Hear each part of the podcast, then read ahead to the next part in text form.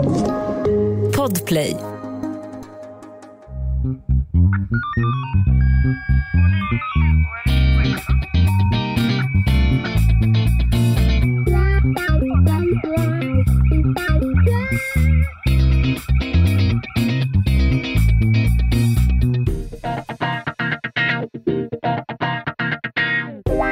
Välkomna till krimpoddarnas krimpodd Över min döda kropp. Med mig, Anna Ingede och... Drun, drun, drun, Lena. Ljungdahl. Oh. Jag väntar inte ut det där. Trum. Kunde jag, jag tror så kunde ha hållit på en in i evigheten. Ända in i evigheten. Ända in ja. i... Ja. Hej Anna! Lena, min Lena, hej. Hej. Vad härligt det känns. Sitt- Jag är tillbaka i studion nu och poddar. Mm. Det känns som mitt normala habitat, så att säga. Du har kommit ut ur garderoben, bokstavligen. Ja, ja. precis. Jag har också, som du kanske hör, lite, lite, en liten touch av astma. Ja, it's the asthma. Astma. Jag har ju spelat tennis och då, då brukar det kunna Ja. komma lite så att jag på förhand ber om ursäkt för Ja. ett litet väs, kanske. Det går bra. Mm, mm. Eh, något annat vi behöver avhandla? Hur har din jobbvecka varit so far? ja. Jo, den har varit ljuvlig ändå, tycker jag. Idag Aha. har vi haft APM. Bara en sån sak. Det kan inte vara ljuvligt. Vem har använt min kaffemugg? Det är skitigt i mikrovågsugnarna. Någon måste städa bilarna efter er. Det är liksom Ja. polisens APM. Ja, men vi har, det måste jag ge min chef. Han är faktiskt brutal. Han har mötesdisciplin alltså. Okej. Det går fort. Jag gillar Mm. det ändå. Det gillar man ju. Ja, ja. Nej, men, och det är en del tunga ärenden som rullar, det tar lite energi och så här. Men ändå, alltså jag älskar det här jobbet alltså. Jag gör ju jag det. vet. Mm. Jag jag gillar det. Du har varit ute och Mm. flängt i vanlig Ja. ordning. Jag håller på att dö. Konferensdöden. Ja. Va, när du Ja. vaknar på morgonen, Mm. blir du lite så här då, så här, är jag i Eskilstuna, eh, Malmö, eh, Jokkmokk eller, Eller är jag i Lund min egen Hovmantorp. säng? Och var ska jag? Ja. Ja, så kan det bli ibland när jag har tunga utbildningsperioder. Och nu har jag varit också på konferens och det är ju, kan vi kalla det högt och lågt? På konferens? Vad tänker du innehållsmässigt då eller? Ja. Det kan vi kalla det. Kan Absolut. vi prata om de som bestämmer vilka som ska prata på konferens och, och hur själva processen går till? Nej, vi ska Mm. inte prata om det, men jag bara konstaterar att det finns saker jag har lyssnat på som är wow, vad intressant, eh, Mm. eller inspirerande eller eh, fakta eh, tungt eller så vidare. Och så finns det som man bara tänker, Mm. ja, jag vet inte jag. Om det här vart hundra. Men, För att vara diplomatisk. Sällan, nu sticker jag ut näbben ordentligt här, men Ja. inte sällan så kan jag slås av att man, man brukar vilja ha något form av affischnamn med på konfer- Ja. konferens. Ja. Det är vanligen inte jag Det så kallade är... dragplåstret. Just det, just det. Ja. Det är sällan jag som är affischnamnet, utan det är, det är någon, någon auktoritär då inom ett visst Mm. område. Mm. Och som förmodligen tar fyra gånger så mycket betalt som jag själv. Oh ja, det är den som gör att man själv inte får något betalt. Just det. Det, budgeten är slut. Ja. Och, men jag måste säga att där händer att jag blir besviken. Ändå. Alltså att jag hade Ja, kanske förväntat mig lite mer ändå. Mm. En annan sak som jag blir besviken, det här är inte Rövhatten, Rövhatten kommer slut på programmet. Ja. Men det här som man får i entrén, Du visar nu upp Alltså- en glättig eh, liksom, Ja. mässpåse ser det ut som. förnimmelsen av en goodiebag. Ja, vad står det? Kunskap är källan Ja, till... Ja, ja, det här är någon form av reklamkasse. Men när man får liksom, åh, du kan ta din goodiebag. Nej men tackar, tackar Ja, tänker man ju eftersom jag ska sitta och lyssna. Och så börjar man bläddra på, när du, du vet när, när det på lördag och söndagar dimper ner någonting på din dörrmatta, det är ett aktomslag och sen en hög med reklam Just i mitten. Ja. Om ens den här ingen reklam tack-skylten har råkat hamna på svaj så att Mm, inte de såg mm. den. Den bibban Mm. gånger fem har de knölat ner i en glättig påse. Just och sen det. längst ner så ligger en risen. That's it! Alltså, Ja, Vad det, är, vad är ens det? alltså, det är ju ett misslyckande. Och sen konferensanläggningens A5-block och sen har de ju snålat så att det är tre sidor kvar på den man fick då. Nej men vad är ens det? Dela inte ut goodiebags. Kan jag, få, Men jag, jag drog tänker- av en, en bonusrövhatt. Om ni Ja. inte har någonting att stoppa i den. Tänker om inte annat kan man väl eh, tänka på eh, klimatfrågan. Ja men använder folk fortfarande pamflett för sin information? alltså, skicka upp en. QR-kod någonstans. Ja, ja, Ja. ja. Nåväl, eh, jag har konferensat med och det har varit på temat eh, inte helt otippat skolsäkerhet. Nej. Och jag vill bara säga en sak som är positivt. Det är att alla människor som kan någonting på riktigt Mm. är eniga. Gud, det var ju Jag skulle fantastiskt. Det finns Jag skulle konsensus. säga- Ja, jag skulle säga att till slut, och då har jag hört en del olyckskorpar, man ska inte prata om det här och det här kan traumatisera barn och det här är liksom... Men nu när man har fått mejsla bort eh, vissa saker och gnuggat, faktiskt diskuterat saker, så skulle jag ändå med bestämdhet vilja hävda att de allra flesta, eller om inte, för att inte säga alla aktörer som faktiskt kan det här och så, är överens om Mm. vadet. Nu består det ju kvar av hur detta ska Mm, gå till. Eh, för i, det är fortfarande jättemycket eh, skolor och framförallt personal som är eh, otrygga och inte har förmåga eller kunskap. Men, men jag vill bara ingjuta lite hopp i det hela, Mm. med detta sagt. Gud vad bra. Jättebra. Nu Men ska du, vi eh, gå... Ja, Ja, jag, jag tänkte just föreslå att vi kanske ska ta oss an eh, ett poddtema idag. ja, vi måste börja eftersom det är rätt köttigt. Igen. Mm. Det är Tidöavtalet del två. Yes. Tack alla kära eh, lyssnare som har gett oss eh, feedback på förra veckan. Ni tyckte Mm. att det var jättebra att få eh, inblick i vad tidavtalet står för när det kommer till kriminalitet, law and order, Mm. eh, förpackat av oss. Så det var kul ja, verkligen. läsa. Verkligen. Och vi är inte framme än, utan idag ska vi... För så här, förra gången så pratade vi väldigt mycket om olika typer av förslag eh, och utredningar som de vill ska starta utifrån att knäcka gängen. Ja, men det är väl inte felaktigt att säga att bortsett från migrationsfrågor så är det ju gängen som har fått ta stort utrymme Ja. i Tidöavtalet i sin helhet. Det är, en väl inte ett understatement?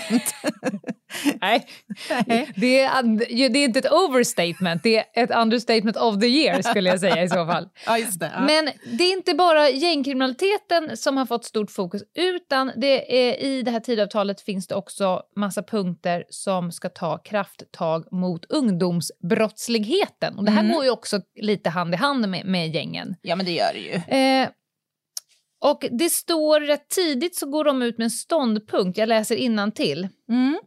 Att bekämpa brott utgör i första hand statens och inte kommunernas ansvar. Staten bör därför ta ett större ansvar för unga som begår allvarliga brott. Ansvaret för de tyngst kriminella unga personerna ska därför flyttas från kommunerna till, krim till kriminalvården. Och här Mm. kommer ju första förslaget. Särskilda ungdomsfängelser ska inrättas som kriminalvården bossar över och ska Mm. då ersätta, eh, ersätta de nuvarande SIS-boendena. Just det. Det här, här är jag väldigt kluven, måste jag Mm. Okej. säga. Alltså jag kan i någon mening förstå hur snacket gick. Därför att den grova kriminaliteten... Återspela gärna. Ja.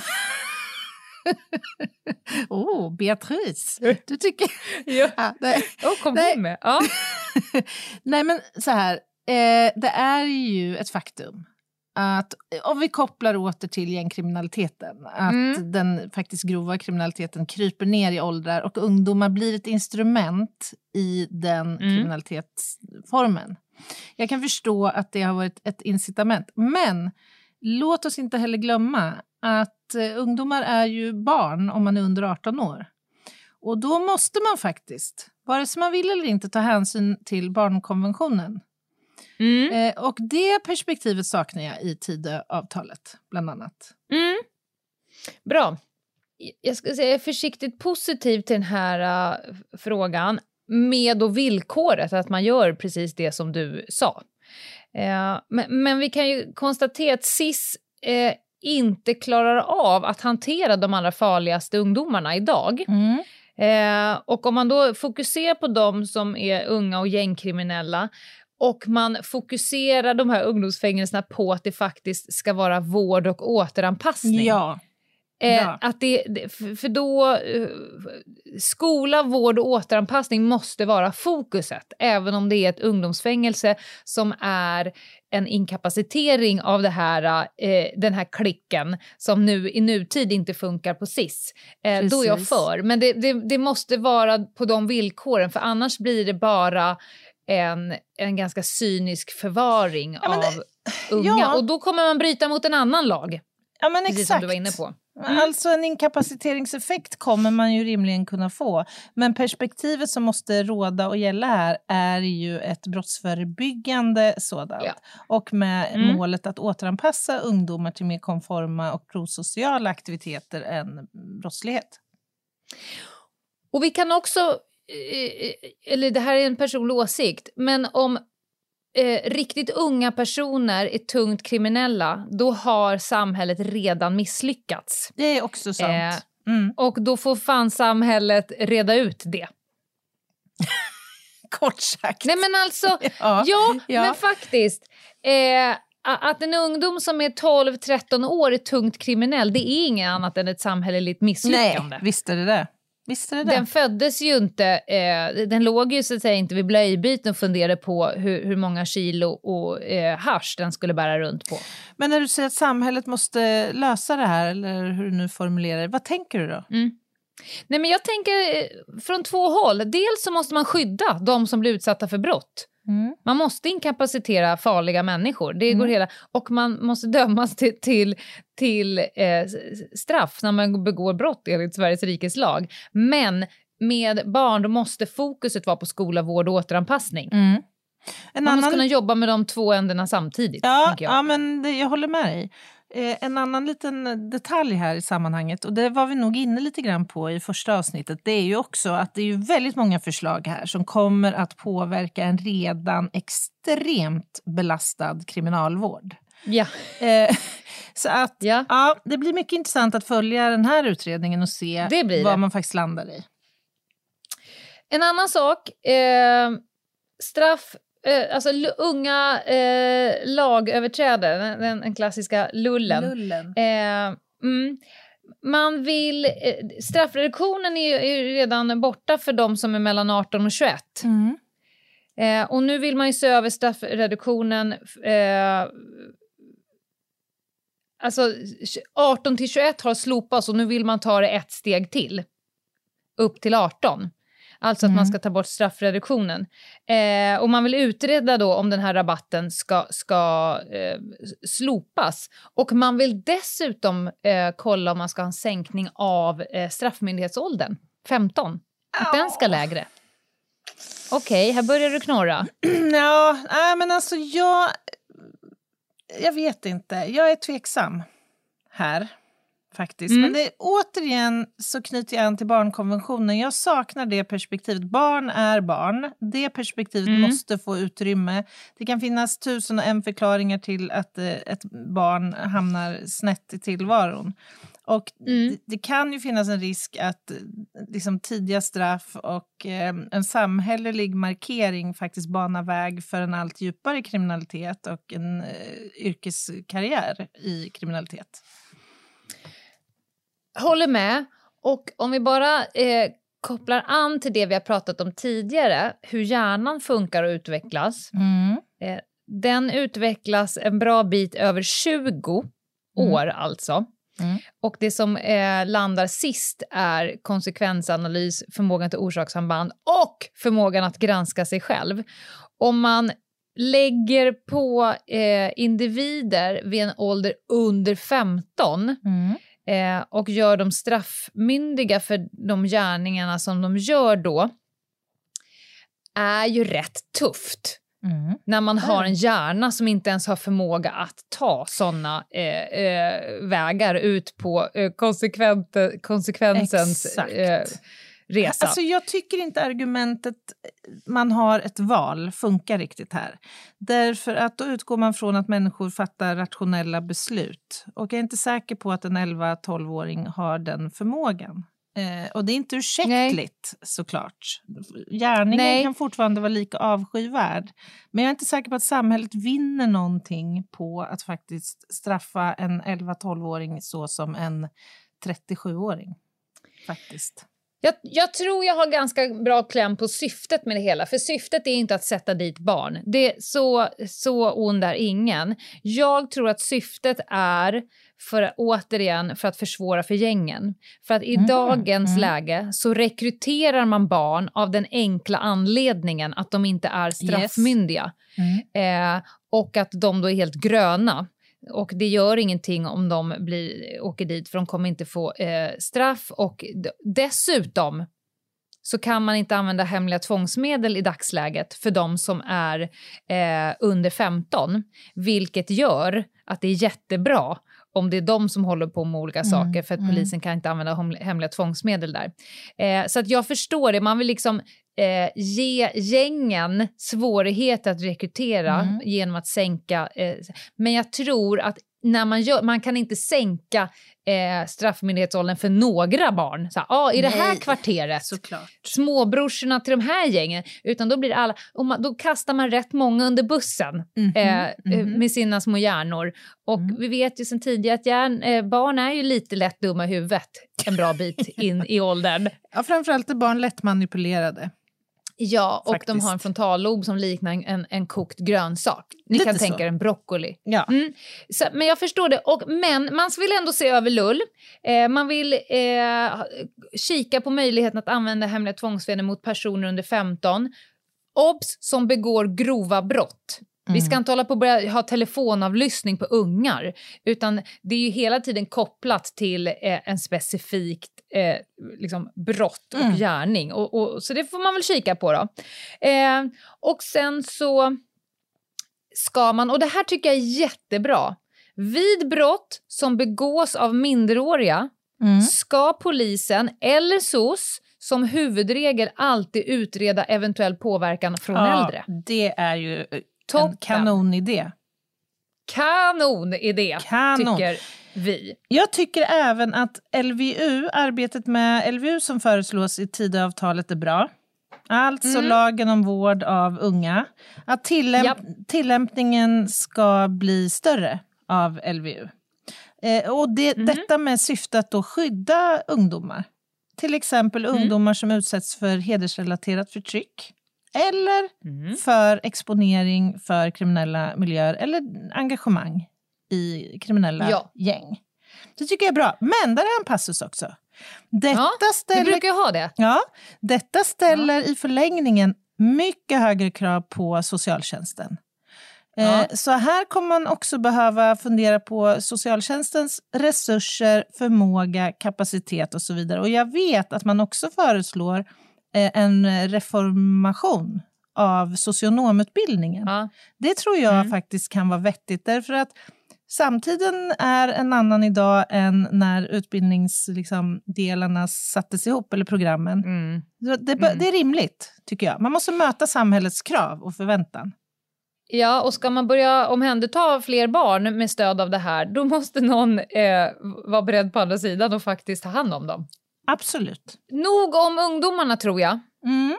Vi ska nämligen, fast vi har en sak som också går in i ungdomarna. Vi ska prata nya, eh, en ny huvudregel i sekretesslagstiftningen. Den hann vi inte det. med sist. Nej.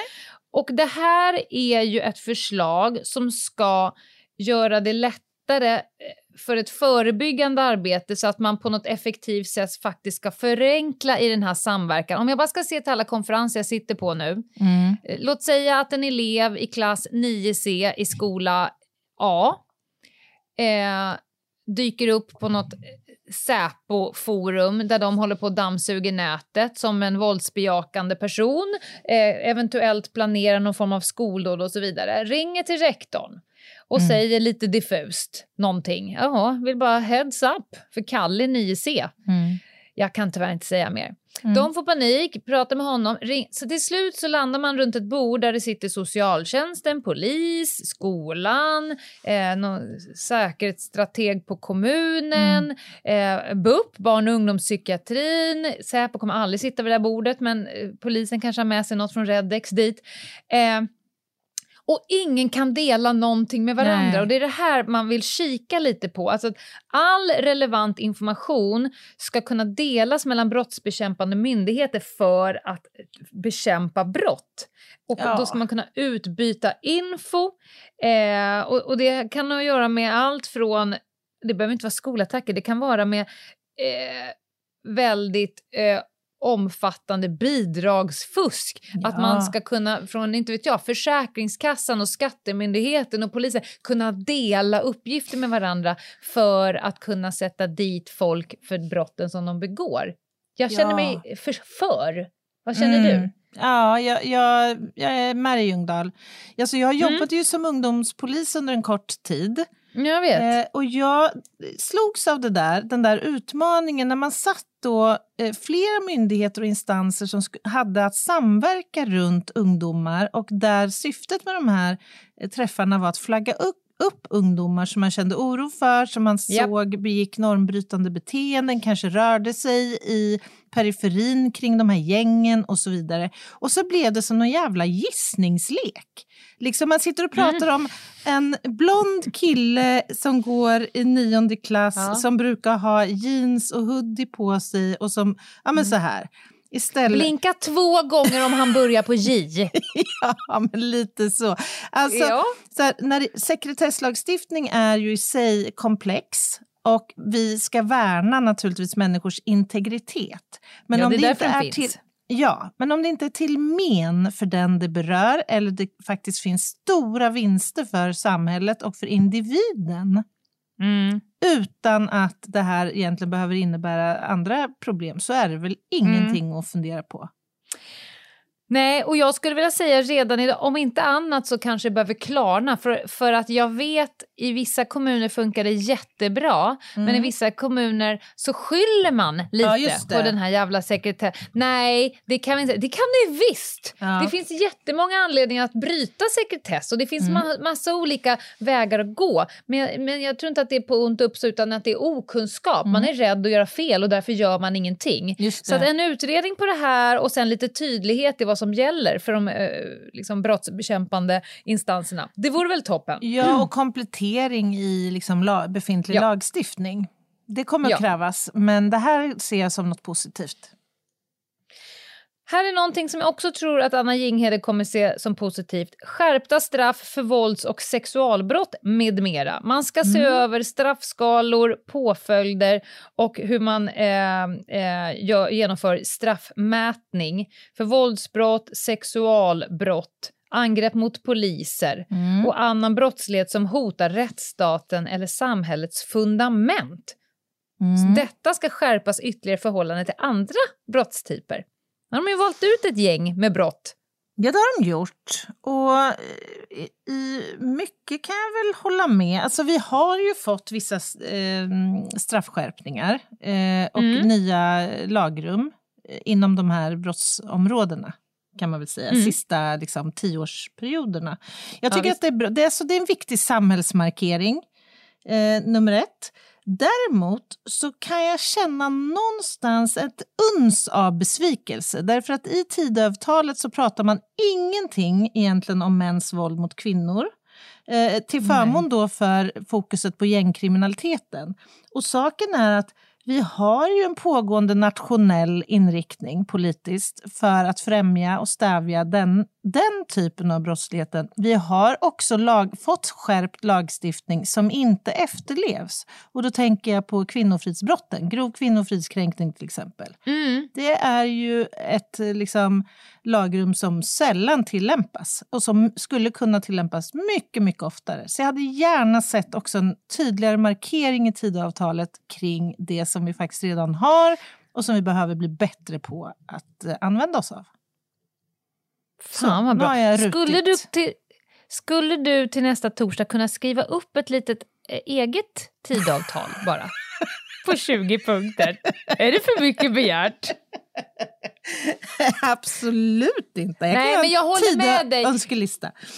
Alltså jag håller med dig och jag förstår och eh, det är så att säga att, att skjuta i öppet mål och säga att man ska slå in mot gängen för att då, det stör ju, det stör tryggheten i samhället, det, det stör allting och det ska bara bort. Mm. Eh, men det får inte ske på bekostnad Nej. av någonting annat. Man måste kunna Ett lägga ägg alla samhällsproblem, korgar. ja. Exakt.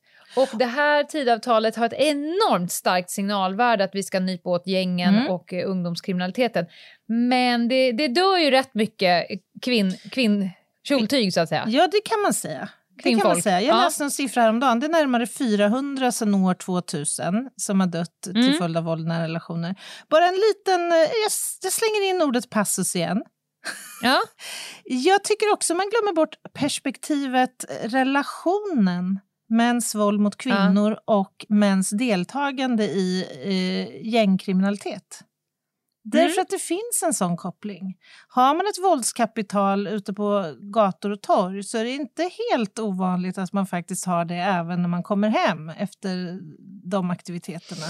Det perspektivet saknar jag och jag saknar reformer som säkrar alltså, stöd och skydd till sexualutsatta och våldsbrottsutsatta kvinnor. Stöd och skydd till kvinnor saknar Mm. också.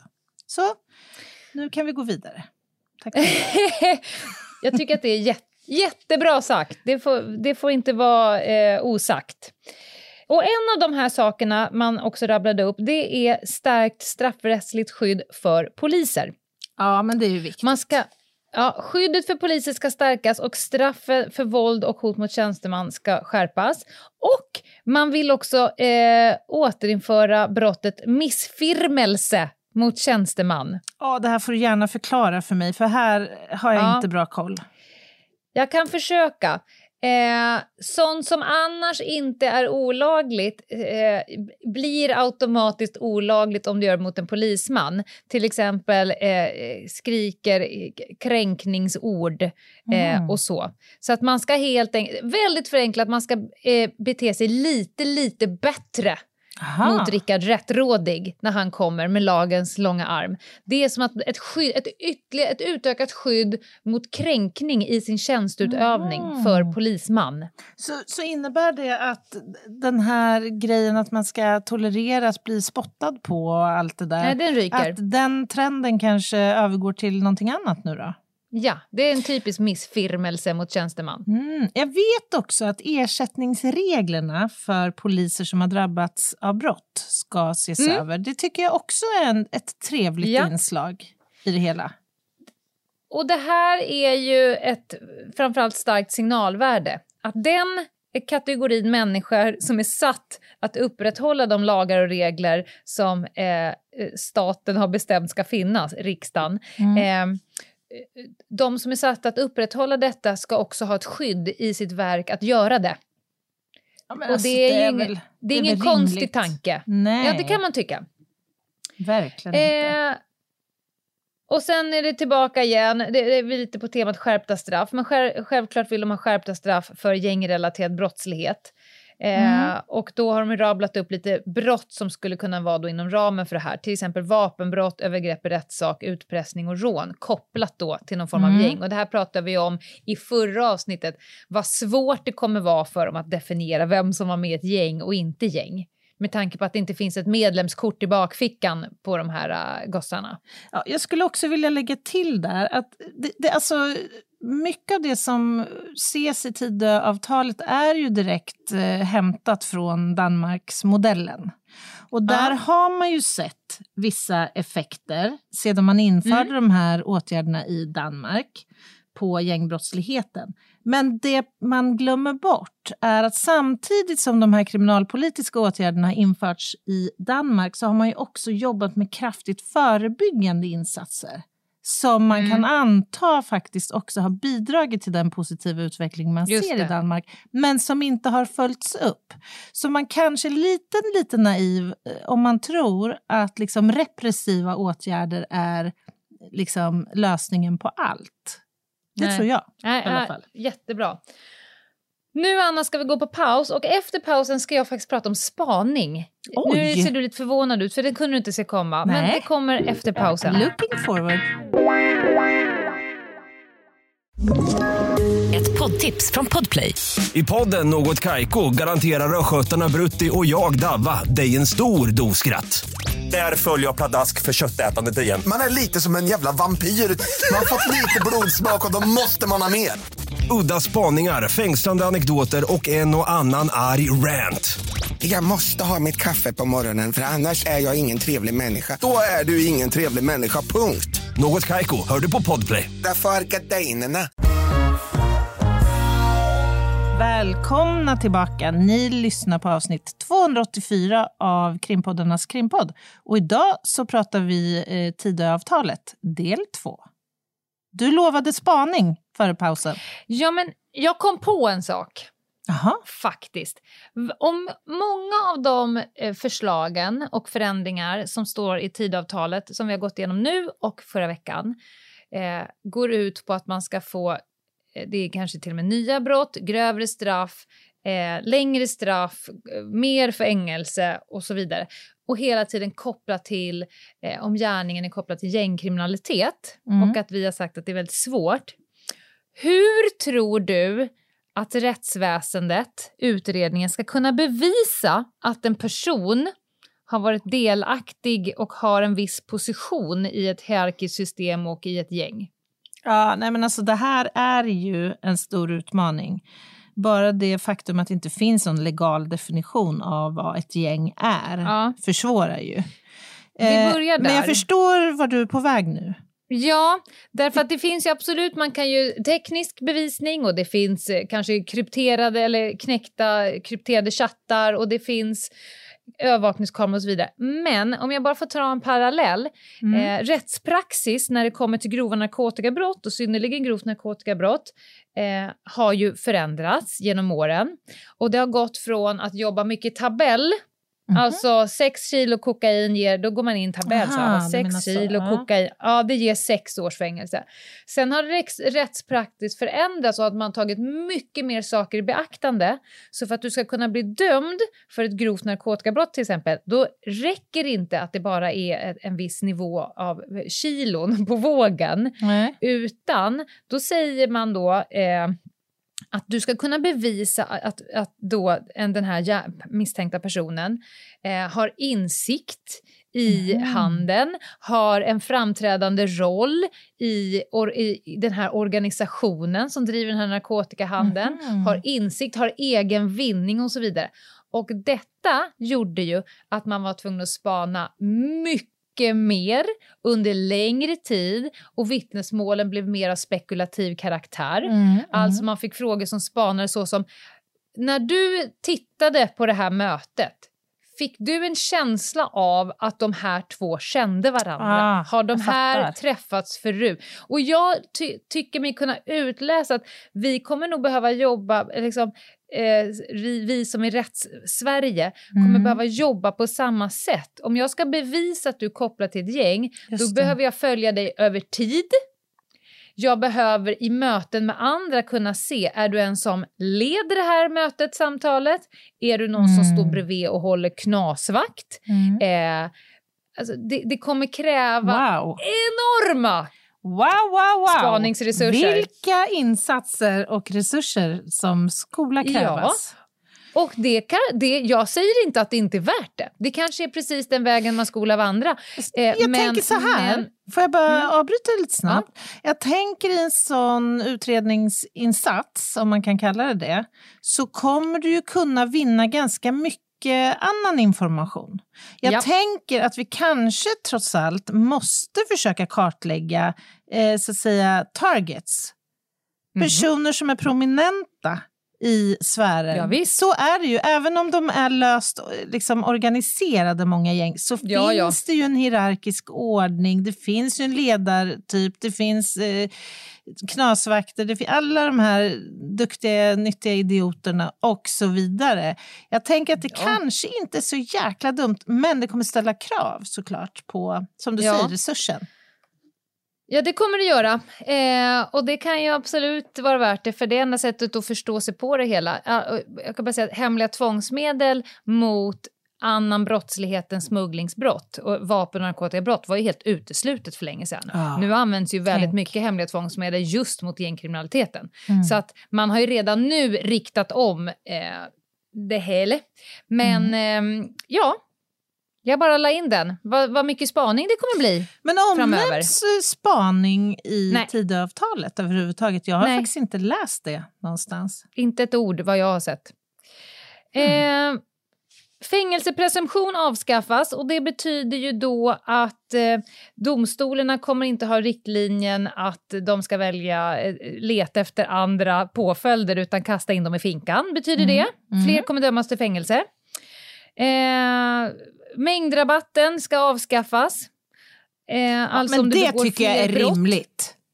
Ja, absolut. Halleluja säger jag. Jaha, du har begått två brott. Ja, ja, nej, men då får du lite mindre Men alltså straff. jag kan tycka att det är helt befängt. Det här har jag Ja. suttit och ondgjort mig över så många gånger. Alltså Ja. hur är det rimligt? Ju fler brott du begår desto lindrigare straff kan Ja. du få.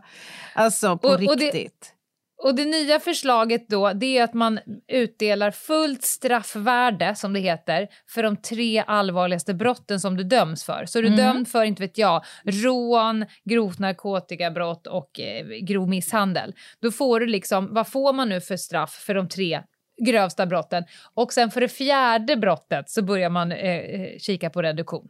Alltså jag tycker det är rimligt. Alltså i USA, vi ska, vi ska inte sträva efter tror jag att anamma ett Nej. amerikanskt eh, så att säga, juridiskt system. Men jag kan ibland tycka att det är ganska uppfriskande när åklagaren yrkar på ett fängelsestraff på 823 år. Som är det är liksom framförallt kul. det totala Framförallt liksom, när gubben är 86. straffvärdet. Ja, Ja. men alltså på riktigt. Varför Ja. ska du inte kunna dömas för alla de brottsliga gärningar du Ja. med vett och vilje många gånger har valt att begå? Och Det säger för? framförallt någonting rätt i nyllet på brottsoffret. Den här gärningspersonen Exakt. får 827 år Ja. upp i rökan, ursäkta uttrycket. Det var, det var vad som fick. Ja. Ja. Och på samma tema så ska återfall straffas hårdare. ja, det kanske är vettigt även om jag inte är 100% säker på att fängelse alltid är vägen att gå. Nej. Nej, det blir lite temat eh, shame on you if you eh, fool me once, shame on Mm. myself if you fool me twice. Ja, och sen kommer ju då den här villkorliga frigivningen. Den här tycker jag är fräsch. Det här Aha. tycker jag också är sinnessjukt. Berätta. Att man automatiskt är ute efter två tredjedelar av Ja. avtjänat straff. Alltså vad är det? Vad är det ens? Varför, varför dömer Säg man från då- början då att du bara ska sitta i fyra år och inte sex. Ja. Ja. Ja. Nej, eh, villkorlig frigivning ska som huvudregel inte beviljas. Alltså det, här, det är det som det kallas i villkorlig Mm, frigivning som mm. sker då efter två tredjedelar.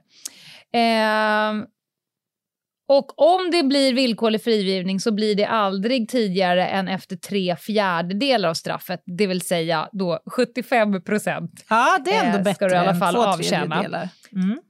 Och ska du få villkorlig frigivning så är det särskilda skäl och då är det ett eh, otroligt gott uppförande och omständigheter i det individuella fallet som talar för att den intagne absolut inte återfaller i brottslighet. Ja, men det här känns fräscht. Nytt och fräscht. Fräscht! Det här har jag Ja. efterlängtat. Då tackar vi för den. Eh, sen tror jag att vi... Eh, det där kan vi nog strunta i.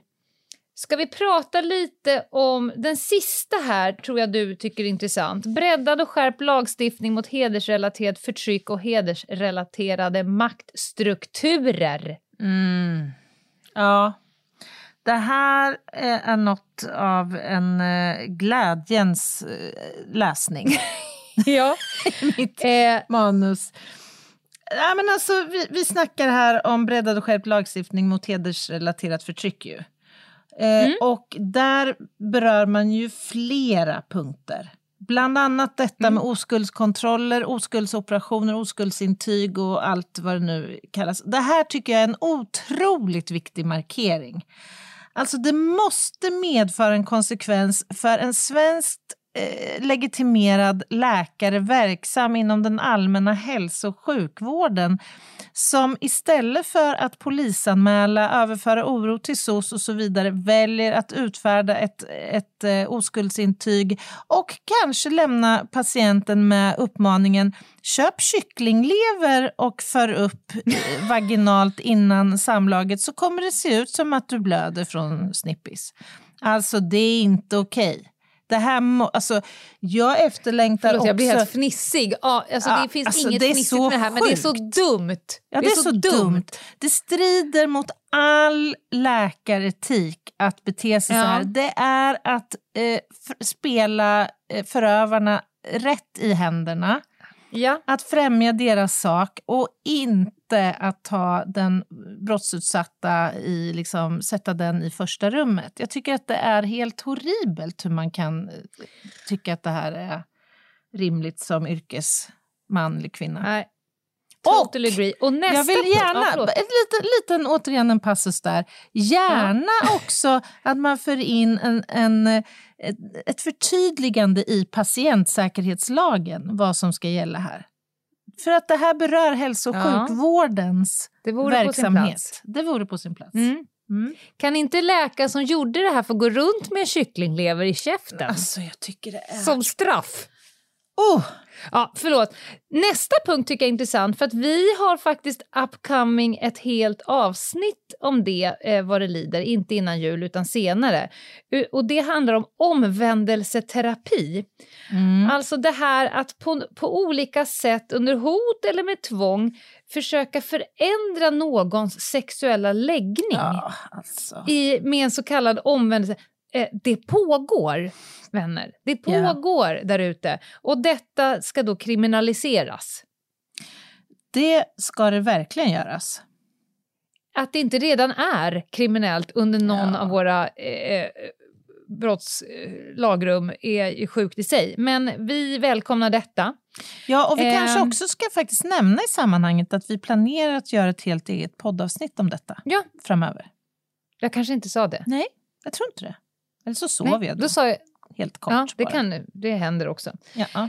Eh, och sen så ska straffskalan för hedersförtryck, äktenskapstvång och vilseledande till tvångsäktenskapsresa skärpas. Varsågoda, gör det, säger jag. ja, och här skulle jag också vilja uppmana att man faktiskt eh, funderar lite grann kring kontrollen över våra medborgare.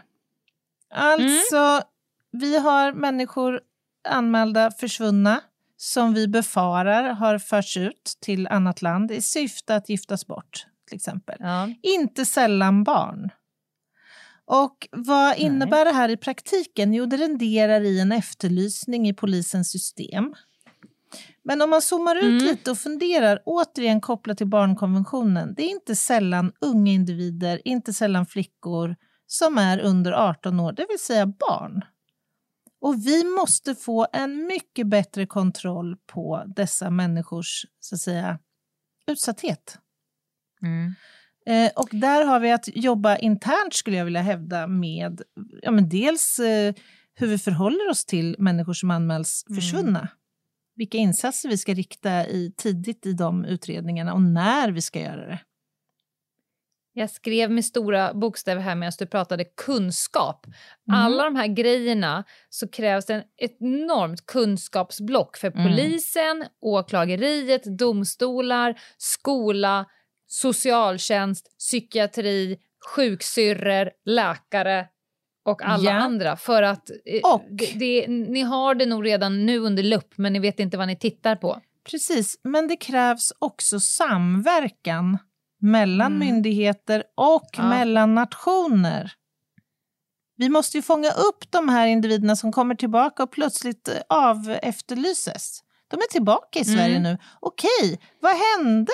Varför har du varit borta hela sommarlovet? Vad hände i Ja. det här landet som du har Ja. varit i?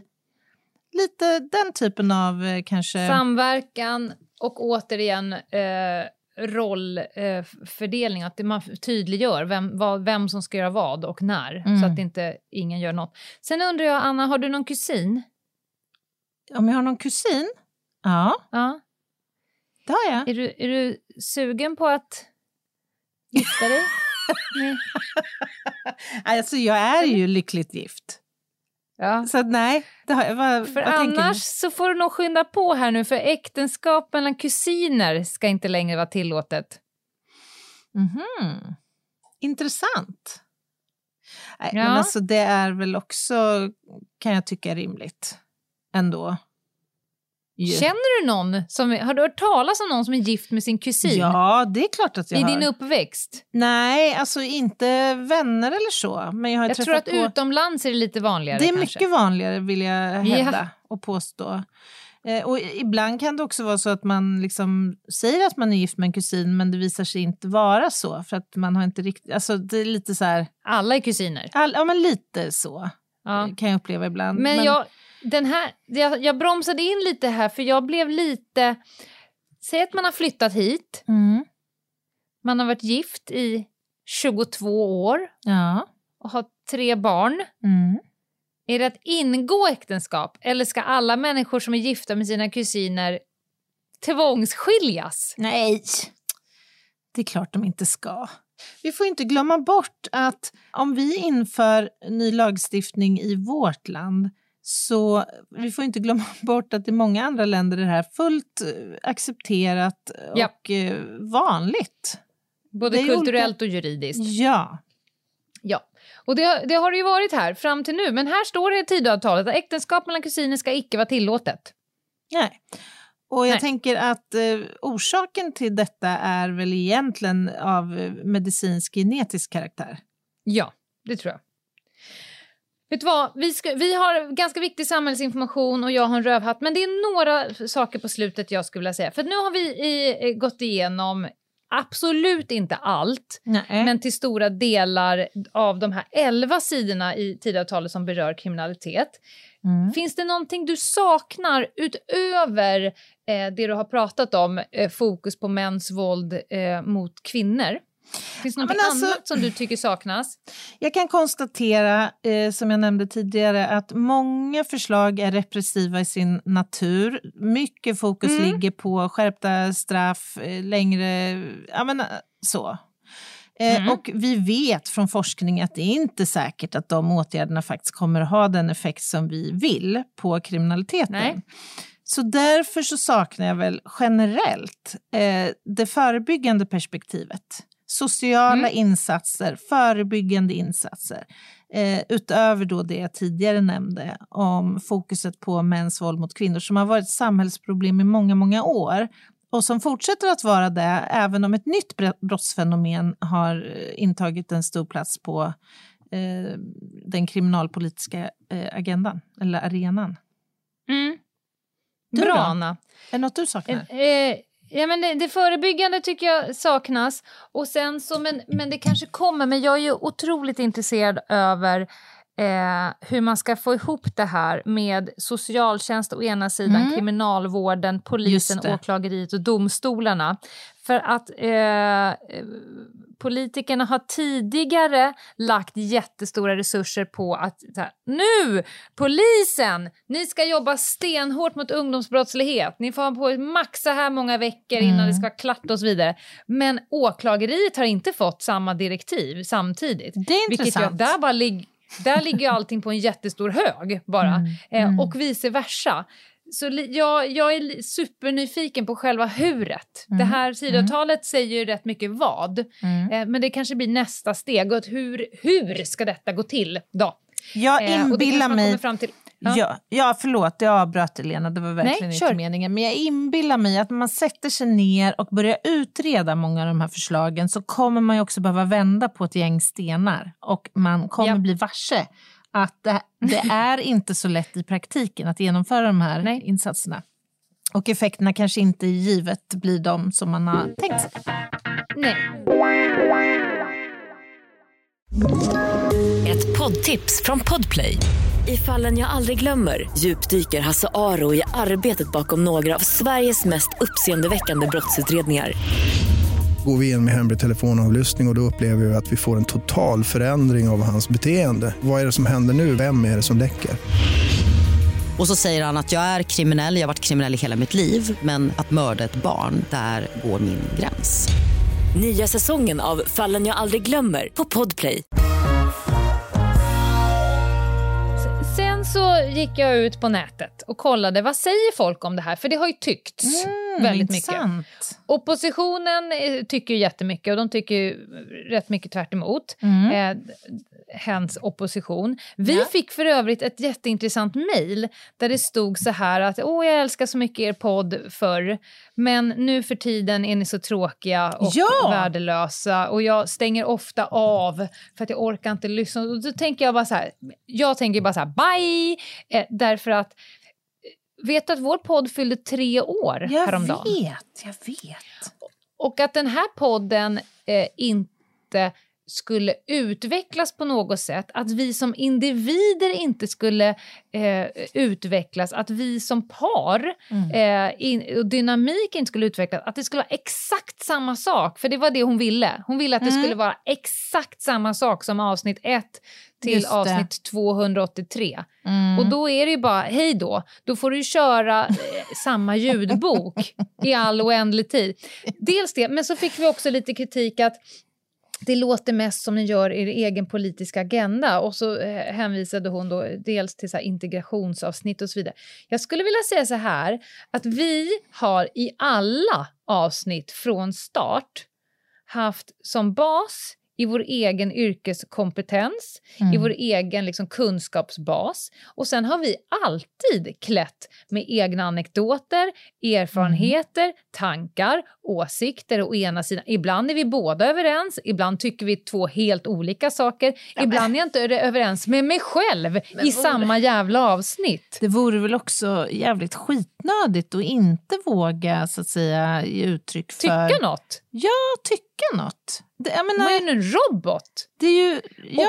Och, och hon lackar då ut på hur vi hade pratat om tidigare eh, avsnitt del ett. Och det vi gör, det är att vi tittar på ett 11 sidor långt dokument om kriminalitet i ett ärende där vi har ägnat hela vår yrkeskarriär åt att jobba i. Och för varje punkt så har vi det startar en känsla i oss, vi har en åsikt om oss. Vi representerar inte Polismyndigheten i den här podden utan vi är Anna och Lena som sitter och slänger Ja. käft och, och bjussar på det vi tänker omkring. Och om det inte passar så får ni väl bara, inte vet jag. Men, också- men det är också ett jättekonstigt mejl Ja. att skicka. Vi fick också lite kritik där att vi ofta läste innantill. Och det är ju jätteroligt med tanke på att manusen är tre punkter.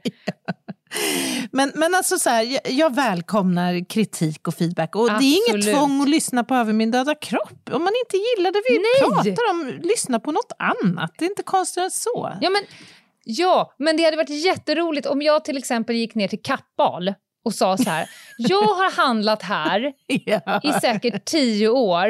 Men nu när jag var inne idag så hittar jag, för det hon avslutar mejlet med att skriva så här, ni har säkert andra som lyssnar men jag vill bara säga att jag slutar nu. Tänk om jag skulle gå in på Kappahl och bara, hörni, jag handlar här i tio år men nu, jag har aldrig handlat på Kappahl, men nu vart det så. Eh, nu har jag gått här ett varv i butiken, jag hittar ingenting som passar mig. Ni har säkert andra kunder som handlar här, men jag vill bara säga att jag går nu. Ja. Det är, det är Ja. lika dumt. Nåväl, jag vill säga en annan person som har tyckt om det här, Mhm. förmodligen på en rak fråga, det är rikspolischefen. ja, just det. Anders Thornberg. Mm. Han kommer ju eh, få klä skott. För att mycket av det här kommer påverka hans business. Han har ett gäng skott som han kommer f- Ja. få klä. Håll i dig nu Anna, jag läser till. Har du intervjuat honom? Nej, jag, jag har hittat ett citage. Oh, bring it. Ja. Nej, men han säger så här, och jag gör en reflektion får se om du gör samma. De flesta åtgärder som radas upp i tidavtalet och i regeringsförklaringen har vi i polisen lyft de senaste fyra åren i många olika sammanhang. Så som i skrivelser till regeringen och i samtal med politiker. Även det som i tidavtalet aviseras som förebyggande arbete såsom utvecklad socialtjänst och ordning och reda i skolan är också sånt som vi har pekat på tidigare. Det vi ser och hör från politiskt håll uppfattar vi vara på rätt väg för en mer effektiv brottsbekämpning. Vi är beredda för det höga reformtempot som har aviserats. Mhm. För, för, nu säger jag det här, Mm. han är ju inte min chef. Nej, just det. Är det så att rikspolischeferna alltid har lite spända skinkor var fjärde år? Mm. Ja, men det tror jag. Det tror jag. Är, är det risk för att bli utbytt? Ja, Det är det jag försöker precis. säga rakt upp och ner. Det, ja, det, så är det ju. Och det är För ju bra. Alltså det är stora Ja. krav som ställs på en rikspolischef. Det ska gudarna veta. Det ska alltså, gudarna det veta. är krav på leverans. Men rikspolischefen sitter ju också i knäna lite på politiken. Eller inte så lite. Ja. Så är det ju, det Nej. går hand i hand. Så det är klart att det är Verkligen. spända skinkor. Men om du bara jämför hans, eh, jag skulle säga odelat positiva bild av Tidöavtalet Mm. med vad Polisförbundet säger. Ja, De säger så säger de? här. Inför valet lyfte Moderaterna höjda polislöner som en viktig pusselbit i brottsbekämpningen. Men frågan nämns inte alls i det så kallade Tidöavtalet. Nej. Det står ingenting om några satsningar på polisprofessionen, eh, säger då chefen Katarina von Sydow. Hon är, är chef för Polisförbundet. En katalog av repressiva åtgärder är vad vi ser. Före valet pratas mycket om att det skulle bli fler poliser och att eh, yrket skulle bli mer attraktivt. Jag hittar ingenting av detta i Tidöavtalet. Och det viktiga förebyggande arbetet som våra medlemmar vill se, samverkan mellan socialtjänst, polis, skola och fritidsverksamhet, ser jag inte mycket av. Visitationszoner eh, riskerar bara att skada relationerna och tilliten som polisen försöker bygga upp i brottsförebyggande arbete, säger hon. Jag har gjort ett, ett ihopplock av olika saker som hon har sagt om det här. Mm, mm. Och det var ju eh, inte riktigt eh, lika odelat positivt. Nej, eh, det var det ju inte. Och jag förstår att Katarina von, eh, von Sydow som då är nytillträdd ordförande i Polisförbundet tar polisperspektivet. Men jag kan också sakna eh, ett liknande perspektiv rörande kriminalvården som kommer bli också extremt mycket mer belastad. Jag tänker NFC, varför pratar man inte om det? Och de långa häktestiderna som de långa analystiderna fordrar och Ja. så vidare. Det finns många sådana perspektiv som, som man kan sakna i Tidöavtalet. Alltså för att få alla de här Ja. förslagen att lira så kommer också Ja. fordras en enormt förändrad numerär, Ja. en helt annan resurs från Ja. rättsväsendets sida. Och, Och- det nämns Och inte. det kanske finns, det kanske, så här, det, det kanske finns planer på detta. Det, det eh, kanske kommer. Jag tänker att Ulf Kristersson har en liten black book hemma på kammaren. Tidöavtalet som man slänger fram som plan B.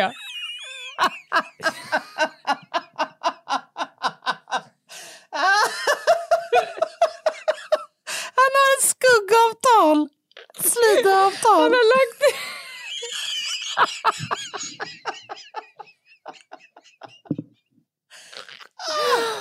Åh, nu nu att förlorar vi tappa tre två till. följare till.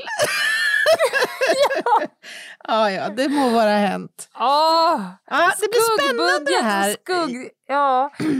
Så här, vi kan väl konstatera att det är väldigt mycket i det här tidavtalet som jag och Anna tycker är bra. Det är väldigt mycket som vi tycker eh, låter som att man inte har tänkt klart. Ja. Eh, och vi, vi kikar, och, och det är väldigt mycket som inte finns särskilt mycket förankring i forskningen. Eh, men vi kikar väl framåt med tillförsikt och ser vad det ska bli av allt det här. Och ni ska komma ihåg att mycket av det är förslag som måste utredas och det kommer inte gå in för alltihopa på en gång för då kommer det bli kaos. Ja, alltså man måste ju ändå, lite kudos får man ju ändå faktiskt kanske ge uttryck för. Därför att det är ju en kaxig approach. Man levererar här 63 sidor är väl med en sån Ja. jävla stor mängd konkreta åtgärder för att komma Ja. till rätta med stora samhällsproblem. Mm. Ja, alltså lycka till Ja. säger jag. Jag tycker det ska Lycka bli till. spännande att se vad som blir av detta. Lycka till, trist bara att skolan, klimatet och vården eh, Just Ja. det. Just det. Men, men vi kommer ha jätte, jättemånga människor i fängelset. Och där vet vi vad vi har om. Ja, det kommer vi Då har ha. vi färre personer att vårda. Det är färre personer som behöver gå i skolan och som vi behöver vårda om de sitter i finkan. Ja, nej, Ja, det här, nej, det- nu ska det vi ge spännande. oss. Det ska vi göra. Men du, jag vet att du Mm. har en, en rapp rövhatt att bjuda Ja, oss den på är idag. rapp. Mm. Men jag tänker att vi kan inte släppa våra lyssnare innan vi har delgett viss information som är av oerhört viktig karaktär. Central Alltså, karaktär. jag, jag, ja, men jag vänder mig om här. Jag känner att jag behöver ett instrument. Eh, vänta, jag ska försöka ta fram ett instrument. Men Vänta, någon form av fanfar, eller? Just det, du, du tycker inte att det här är en uppgift för Oliver utan du vill gärna så att säga live Jag var på väg att ta fram den. fiolen här. Åh, gärna! Ja, ja, ja. Nej, Jo, jag, jo! Jag drar, jag, Jo, Jag kan jag, inte igen. få, kan jag inte få ett stråkackord eller vad, vad det Ja, nu heter? Nej, ackord får du inte för jag kommer inte ens ta upp det. Men jag, jag vecklar upp den här. Det är mer, jag känner mig mer som Nikita som tar upp min bazooka. Lena har nu då öppnat ett case, ett riktigt Cordura-case där det ligger då Här har en jag harts, harsen. Ja, just det. Och nu håller hon i stråken. Nu Nu ska är ju hon för sig då... fiolen kvar här, men Ja.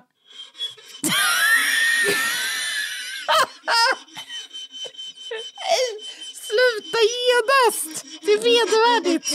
Jag står inte ut. Nej, Lena, för fan. där satt den. Nu får du gärna berätta vad du ska säga. Jag är ju helt traumatiserad av- det här. Men jag håller inte på det längre. Nej. Vi har nominerats till Årets debut för Adlibris Halleluja! Halleluja! Men alltså det är så stort. Ja, alltså det, det är helt orimligt. Hur, vad hände? Vad, hur gick det till ens? Så det är någon form av jury som har tagit fram x antal personer i varje kategori. I kategorin årets debut tänkte de, nej men om inte Ljungdahl och Ginghede Ja. Eh, de har ju släppt en bok av rang. De ska nomineras till årets debut. alltså, och där... Ja, vi Det är var mulligt. lite darriga. p- Det är, det är mulligt. Och därefter så lägger de då på läsarna Mhm. att bestämma vilka av de här personerna som de i juryn har tagit fram. Och nu börjar ju, nu får ni ta vid, kära lyssnare och läsare, att gå in på Adlibris och söka upp det här Adlibrispriset som det heter. Eh, och om, som, om ni tycker att det känns enligt eh, vad ni själva eh, känner där nere i maggropen, så att säga, då kan ni lägga en röst på en bok som Ja. ni tycker är bra. Vi skulle som bli läst i närtid. glada. Alltså det, Ja. det är så hedervärt och så roligt och i visst mått otippat, oväntat kanske. Ja, men Alltså det konkurrensen är hård. böcker. Ja, det är den. Vi är ödmjuka inför det faktum att, att, eh, att eh, det är inte bara vi som har släppt bok i år. Det är bara vi som har skrivit en bok. Nej, det är helt riktigt. Nej, det var ju eh, så att säga glittret i samhällsinformationen. Ett annat semiglitter det är ju att vi också nominerade till Guldpodden. I två kategorier ju. Ja. Var det inte årets podd? Var inte det den ena? Jo. Årets podd och årets krimpodd. Det är ju ändå lite tack eh, vare Guds försyn eller något, jag vet inte, högre makter, Ja. att vi inte nominerades i kategorin Årets humorpodden då. Folk Ja. måste ju ha ändå ja, insett att vi... Ja, har vi inte gjort det? Jo, tidigare år har vi ju nominerats i den kategorin. Men Det var ju får- när, i början när vi var så dåliga så folk hade roligt åt oss. Just det, just det, vi var så dåliga så vi var det var roliga. då hon var som nöjdast. Det är kul att hon var som nöjdast när vi var som sämst. Tillbaka kul nu på också. våran tappade, Ja, tappade följare, lyssnare. Ja. Nej men hörni, om ni vill så nominera oss gärna där också eller lägg er röst Mm. på oss om ni känner för det på Guldpodden. Eh, I övrigt, Guldpodden.se söker ja just det, guldpodden.se. Mm. Vi kanske också ska närma, närma oss, det kan vi också göra, Ja. närma oss eh, eh, beslutet som vi har fattat i veckan. Att inte Mm. leverera någon merch Ja, denna månad. Nej, exakt. Det kommer ju annars alltid på klockan eh, första fredagen efter löning en merch Första torsdagen i mars. Exakt. Men den här månaden, icke. Men det kommer komma en merch till innan jul, lagom till att ni ska fylla era julstrumpor och kappsäckar. Nej, Ah. vad heter det? Julstrumpor? Vad heter det? Julsäcken! För fan. Jag Eh, drar till skogs. Jag packar min packsäck och Ja. drar. till tops bäste far. Ja. Eh, det kommer komma en till, men den kommer inte komma eh, nu eh, på, på fredag innan efter löning, utan den kommer komma lite senare och vi kommer flagga upp detta på Ljungdahl och Ginghede på Instagram Mm. och eh, på eh, eh, över min döda kropp, eftersnack och diskussioner på Facebook. Just Det det. skulle säga. Där finns det en grupp där de har stenkoll på det här. Ja, och vi kan utlova att den här kommer bli något alldeles extra. Alltså. Julmerchen. Ja, det kommer den bli. Det kommer också bli i, av den mer narcissistiska ehm, temat. Ja, den kommer att, att dofta grandiositet. Den nya kan jag skulle vilja ge bort en gåva till någon. Eh, Ni kan Mhm. höra av er till mig. Vi fick ju ett pussel. Jag kommer inte hur detta har kommit till min ägo, men ett pussel, Aha. typ tusen bitars pussel med ett foto på dig och mig. Ja, just det. Eh, just det. Ja, jag har lagt det och eh, det var jätte, jättetråkigt. Därför att du har en vit blus på dig och du har jättestora tuttar. Så 87 procent av alla bitarna i pusslet är Annas rattar. Åh, Man bara, ja, nej men här, jag lägger väl här. här Fuck you ditt 80 dubbel F. Ja, kunde du inte haft 70 B? För det, jag är så trött på de här vita bitarna. Ja, nåväl, om det är någon som vill lägga eh, Annas byst eh, på ett pussel så hör av er till hej så skickar jag det här jävla pusslet till er. Men du, en punkt till på samhällsinfon innan du asnabbt ska dra din rövhatt, för du ska ju iväg Ja. Mm. nu. Det är ju att nu till helgen, den 19 november, så kommer både Lena och jag befinna oss i Örebro på kultur, i Kulturkvarteret och delta i litteraturens lördag i Örebro. Det kommer bli välbesökt. Förra året var det 3000 besökare som var där. Eh, det är gratis entré, men du måste boka en biljett. Vi kommer livepodda, vi kommer att eh, sälja böcker, signera böcker och mingla runt. Så kom gärna dit. Men nu, Lena, nu Ja, drar du din rövhatt. Lenas rövhatt. Den kommer här och den kommer vara otroligt snabb. Mm. Jag är mest sur på ett ord, eller jag är mest sur på Va? människor som använder ett ord. Och detta kommer utifrån att vi fick ett DM på Instagram. Och det är förmodligen ett DM gjort av kärlek och sådär. Mm. Men jag, jag bara läser meningen upp och ner till det här nu så ska vi se om du reagerar. Hej tjejer, jag har precis läst ut er bok. Den var faktiskt bra. Är det något ord som skulle kunna tas bort? Åh, vad roligt! Det var faktiskt. Överanvändningen av faktiskt. Och jag vill också säga en sak så här. Ah. Du, vet du, vet du vad, vad huvudstaden i Slovenien heter? Jag har glömt det. Nej, jag vet faktiskt inte det. Ah, vad intressant. Alltså, det finns människor som strösslar med ordet faktus så som att det är ett, det är en förvåning att boken är bra. Mm. Mm. Det är ett värdeord ju, i någon mening. Ja, det, Det blir det. det kan man inte tro att det inte är en bok var bra. Och också människor som så fort när det kommer till kunskap Mm. måste lägga in nej, jag vet faktiskt inte det. Som Ah. att jag kan allt i hela världen men du lyckades fånga precis den enda kunskapsluckan jag hade så just det här kan jag faktiskt inte. Men alltså om jag rannsakar mig själv nu så undrar jag om jag inte faktiskt använder det. Nej, Anna, du använder ordet de facto. det, Och helt enkelt. och helt enkelt. Det är två och jag använder så att säga. Mm. Eh, nej, men, nej, men det gör, du använder de facto, men det gör ju du utifrån att ehm, alltså, ordet faktiskt i sig har ju en, en, en bra innebörd. Ja, absolut. Vi måste det göra det här på ett sätt- Ord. Ja, men nu måste vi eh, föreläsa på ett sätt så att folk faktiskt lyssnar. Ja. Alltså det finns ju en... en det, man kan inte ta bort ordet Nej, faktiskt. nej, Men nej, när folk använder det som en förvåning Just över... det. För jag tror att människan menade att jag har läst er bok och den var bra. Men det var för jag... Tror och jag tror... Ja, ja. Det tror jag. Men också, jag tror också att människan som inte kan, nu tog jag bara exemplet, som inte vet vad huvudstaden i Slovenien heter. Jag tror också att den människan kanske har några huvudstäder till i världen som personen Ja. inte kan. Men det är så här, nej jag vet faktiskt inte. Och det finns x antal personer. Så jag bara skickar med er nu.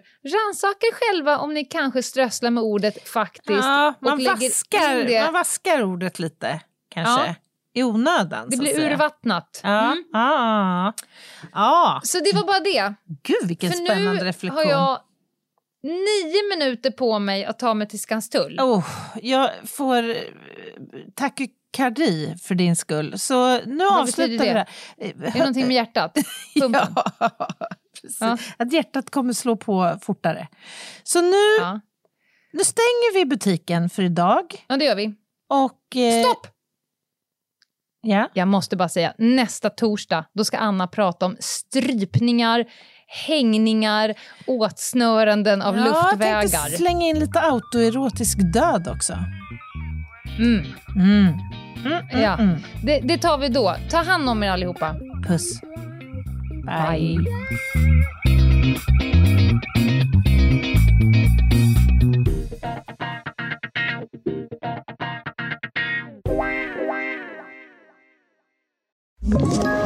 Ett poddtips från Podplay.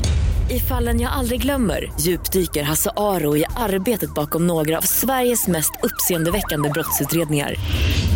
Går vi in med hemlig telefonavlyssning och, och då upplever vi att vi får en total förändring av hans beteende. Vad är det som händer nu? Vem är det som läcker? Och så säger han att jag är kriminell, jag har varit kriminell i hela mitt liv men att mörda ett barn, där går min gräns. Nya säsongen av Fallen jag aldrig glömmer på Podplay.